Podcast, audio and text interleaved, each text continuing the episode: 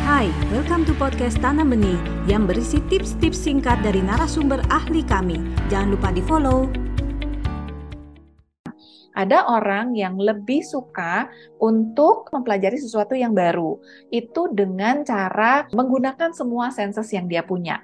Misalnya ketika dia bisa di, melihat, dia mendengar, dia bisa melakukannya, atau dia bisa meraba, menyentuh, dan lain sebagainya, maka informasi itu akan lebih mudah terserap oleh orang itu. Nah, itu adalah orang-orang yang punya preferensi menerima informasi atau lebih mudah menyerap informasi dengan menggunakan sensingnya. Sedangkan ada tipe preferensi yang berbeda daripada orang sensing, yaitu secara intuisi. Secara intuisi ini adalah orang-orang yang lebih mengandalkan tidak dengan sensesnya, tidak dengan panca inderanya, tapi lebih menggunakan intuisinya. Sehingga kadang-kadang mereka lebih sering membayangkan sesuatu, lebih suka berpikir tentang hal-hal yang tidak tampak gitu ya, tidak terlihat begitu ya. Jadi banyak orang-orang intuisi ini akan mengandalkan lebih ke intuisinya, imajinasi mereka, begitu ya. Yang kadang-kadang tidak mudah dipahami oleh orang sensing.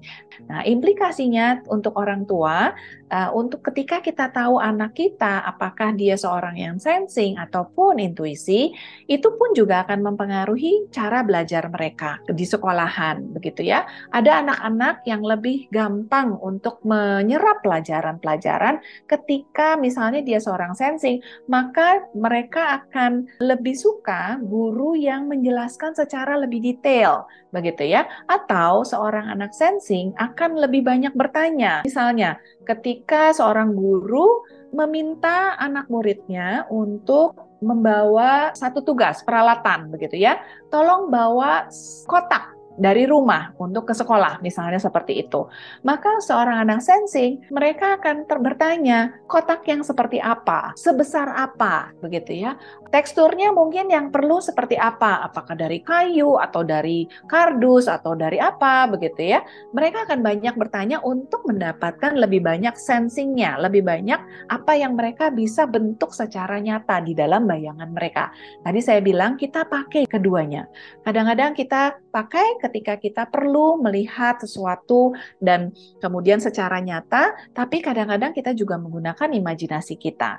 Tapi intinya perbedaannya adalah ketika sensing dia akan lebih banyak bertanya, sedangkan anak intuisi dengan mendapatkan instruksi yang sama, dari seorang guru hanya membawa kotak, dia sudah punya pikirannya sendiri. Oh, saya akan membawa kotak yang seperti ini. Dia tidak akan banyak bertanya, tapi dia hanya mengandalkan apa yang ada di imajinasi dia. Begitu. Itu adalah orang sensing dan intuisi. Nah, dampaknya apa kalau seandainya ada seorang guru yang sensing, begitu ya, dia menjelaskan begitu banyak uh, detail uh, supaya anak-anak muridnya tidak salah membawanya, gitu ya, membawa apa yang diperintahkan. Anak intuisi biasanya lebih cepat merasa bosan atau mereka akan aduh kenapa sih mesti dibatasin gitu ya hal-hal yang seperti ini aku mau bawanya pokoknya yang menurut aku ini kotak seperti itu.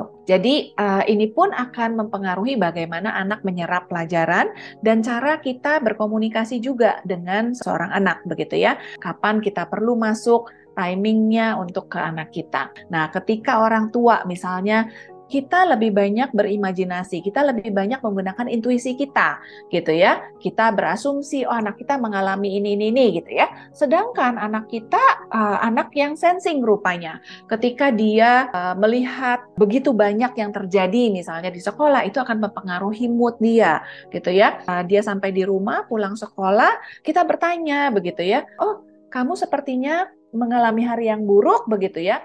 Apa yang terjadi misalnya begitu ya. Kita berasumsi tapi kemudian anak kita yang sudah uh, bad mood gitu ya pulang dari sekolah tentunya akan berkonflik begitu. Apalagi ketika dikombinasikan dengan anak kita introvert, maka itu akan juga menjadi lebih sulit. Anda baru saja mendengarkan tips dari Tanam Benih Foundation. Mari bersama-sama kita terus belajar untuk menjadi orang tua yang lebih baik demi generasi yang lebih baik. Jangan lupa follow podcast kami